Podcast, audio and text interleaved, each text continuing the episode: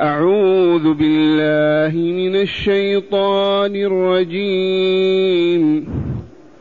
وما كان هذا القرآن أن يفترى من دون الله ولكن ولكن تصديق الذي بين يديه وتفصيل الكتاب لا ريب فيه. وتفصيل الكتاب لا ريب فيه من رب العالمين. أم يقولون افتراه؟ قل فأتوا بسورة مثله وادعوا من استطعتم من دون الله إن كنتم صادقين.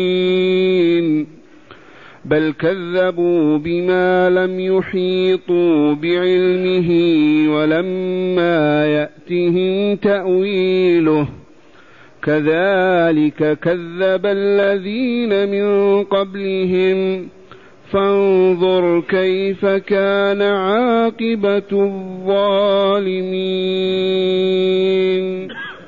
معاشر المستمعين والمستمعات من المؤمنين والمؤمنات. قول ربنا جل ذكره وما كان هذا القرآن أن يفترى من دون الله.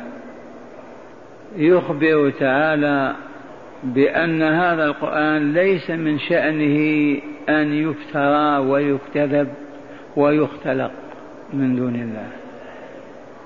وهذا أمر واقع. تحدى الله عز وجل الإنس والجن على أن ياتوا بمثله فعجزوا. إذ قال تعالى قل لو اجتمعت الإنس والجن على أن يأتوا بمثل هذا القرآن لا يأتون بمثله ولو كان بعضهم لبعض ظهيرا. فكيف تعجز البشرية والجن؟ ثم يقول المشركون والمتهوكون والحيارى هذا كلام مفترى مختلق. ليس من شأن القرآن أن يختلق ويفترى أبدا لأنه حاوي العلوم والمعارف التي تعجز البشرية عن الحصول عليها من غير هذا الكتاب. وسر التكذيب بالقرآن هو أن لا يوحدوا الله وأن لا يعبدوه. فالآن لو تطالب البشرية بالإيمان بالقرآن الكريم لا يؤمن واحد في الألف. ما سر ذلك؟ لماذا لا يؤمن لأنهم إذا آمنوا عبدوا الله ومشوا في طريقه المستقيم وهم يريدون أن يعيشوا على أهوائهم وشهواتهم وما تمليه عليهم شياطينهم. فالتكذيب بالقرآن إلى الآن وبعد الآن ومنذ أن نزل الملايين يكذبون بالقرآن ويقولون مفترى ومختلق وليس من كلام الله. ما سر هذا التكذيب وهذا النفي؟ إنه كما علمتم حتى لا يدخلوا في الإسلام ويستقيموا على منهجه فيحلون الحلال ويحرمون الحرام وينهضون بالواجبات ويقومون بما أوجب الله من العبادات. ومن العجيب أن أبا جهل عليه لعائن الله وهو الطاغية يقول ما كذب محمد عن البشر قط فكيف يكذب على الله؟ يقول في صراحة ما كذب محمد على إنسان أفيكذب على الله؟ الذي ما يكذب على الناس يكذب على الله. أيعقل هذا؟ ومع هذا يقولون افتراه. واختلقه وكذبه وليس من عند الله. فما هو السر ليس السر أنهم مضطربون شاكون ما عرفوا أنه من الله وإنما السر حتى لا يتخلوا عن مسالكهم الحيوانية من عبادة الشيطان واتباع الهوى. ليستمروا على عاداتهم وما ألفوه وورثوا عن آبائهم وأجدادهم. لا حيلة إلا أن يقولوا هذا ليس بكلام الله. ليتخلوا عن العبادة ويتخلصوا من الدعوة المحمدية. فقال تعالى وقوله الحق في هذا الخبر وما كان هذا القرآن أن يفترى من دون الله ولكن كان تصديق الذي بين يديه. الكتب التي تقدمته وسبقته وهي بين يديه وهو وراءها أليست التوراة والإنجيل والزبور؟ هل تنافى معها؟ هل تعارض معها؟ بل يصدقها فيما جاءت به إذ ما فيها من الصحيح إلا أن يعبد الله وحده بما شرع لعباده من العبادات المزكية لأنفسهم المهذبة لأخلاقهم وآدابهم والمهيئة لهم لسعادة الدنيا وسعادة الآخرة. هذه التوراة بين أيديهم هذا الإنجيل. انظروا هل يتعارض هذا الكتاب معها بل مصدق لها وقد سبقته. فكيف يقال افتراه محمد وكذبه واختلقه؟ إبطال لتلك الدعاوى الباطلة وإنهاء لها إذ قال تعالى وما كان هذا القرآن أن يفدر من دون الله ولكن تصديق الذي بين يديه وتفصيل الكتاب أي ما كتبه الله من الشرائع والأحكام والأخبار والقصص مفصلة في هذا القرآن. هذه الشرائع الحلال والحرام الآداب الأخلاق السياسة في الحلم في السلم في الحرب الحقوق كل متعلقات الحياة موجودة في هذا الكتاب. فكيف يختلقه مختلق ويكذبه كاذب؟ وتفصيل الكتاب لا ريب فيه من رب العالمين. رب العالمين يقتضي تقتضي ربوبيته للخلق أن ينزل عليهم كتابا وأن يرسل فيهم رسولا من أجل أن يعلمهم كيف يكملون ويسعدون أليس ربهم؟ بلى.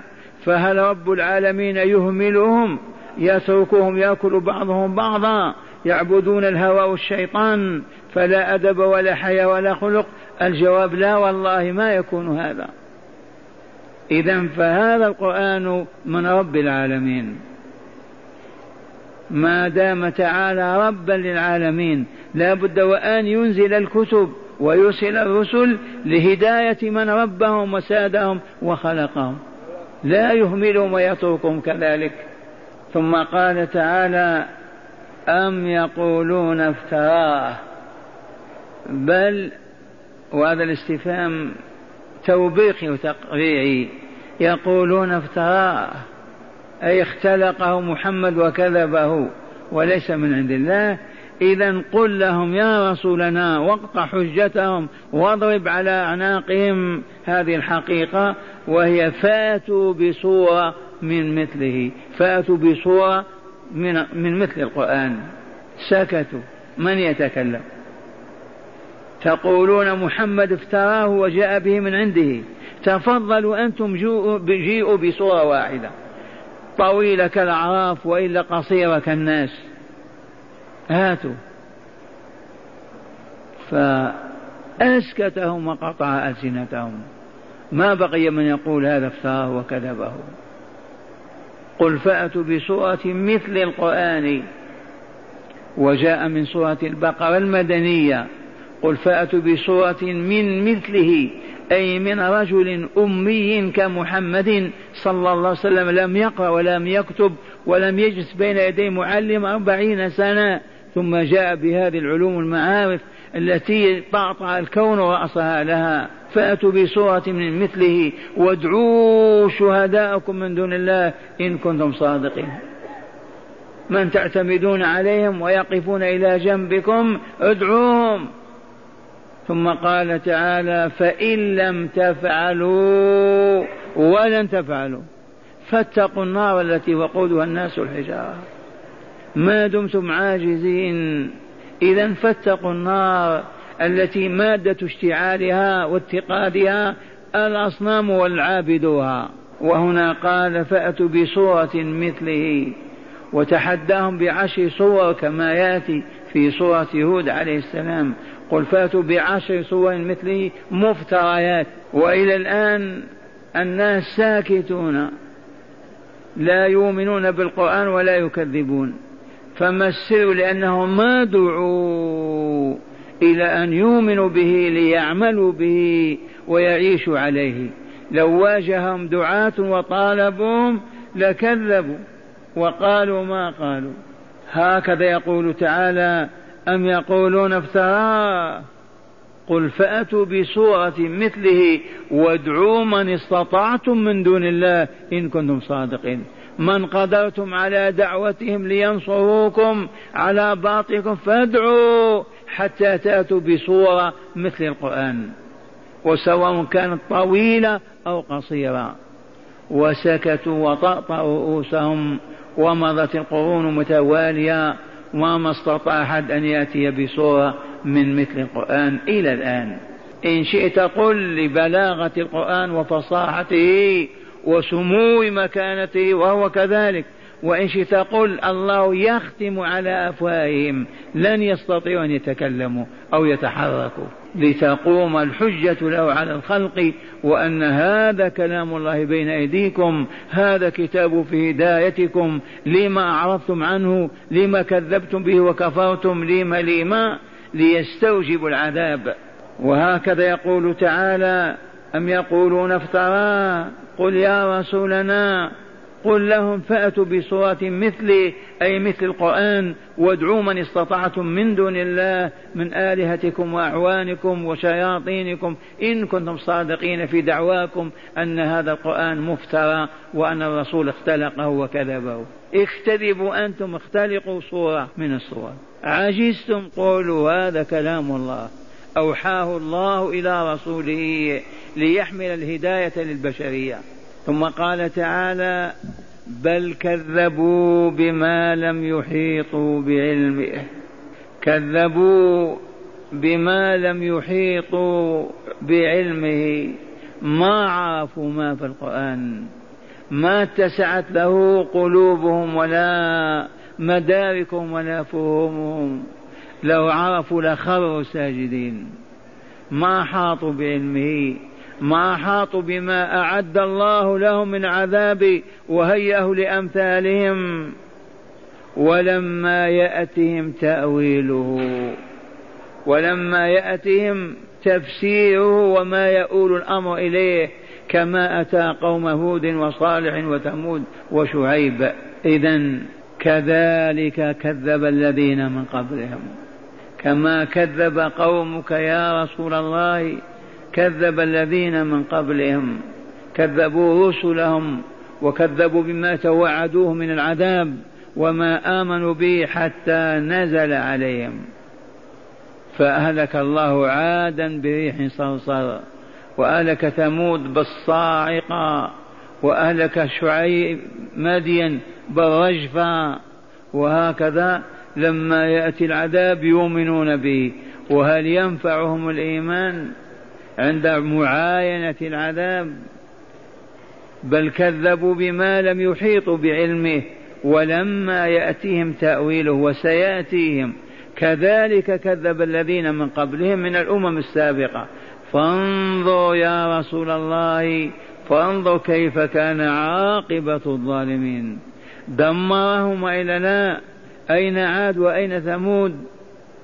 أهلكهم أين فرعون وأين لوط؟ قوم لوط. أمم أهلكها الله عز وجل. هؤلاء ينتظرون متى ينزل بهم العذاب إلا أن يتداركهم الله بالإيمان وقد آمنوا ولم يحل بهم العذاب. معاشر المستمعين نتلو الآيات مفسرة في الكتاب لنزداد بصيرة ونورا معنى الآيات هذه الآيات في تقرير عقيدة الوحي وإثبات النبوة للرسول صلى الله عليه وسلم. وما كان هذا القرآن يفتى معنى أنه وحي الله أنزله على رسوله فهو تقرير النبوة المحمدية. قال تعالى وما كان هذا القرآن أي لم يكن من شأن هذا القرآن العظيم أن يفترى من دون الله أن يختلق من غير الله تعالى من سائر خلقه. ولكن تصديق الذي بين يديه أي ولكنه كلام الله ووحيه أوحاه إلى رسوله وأنزله.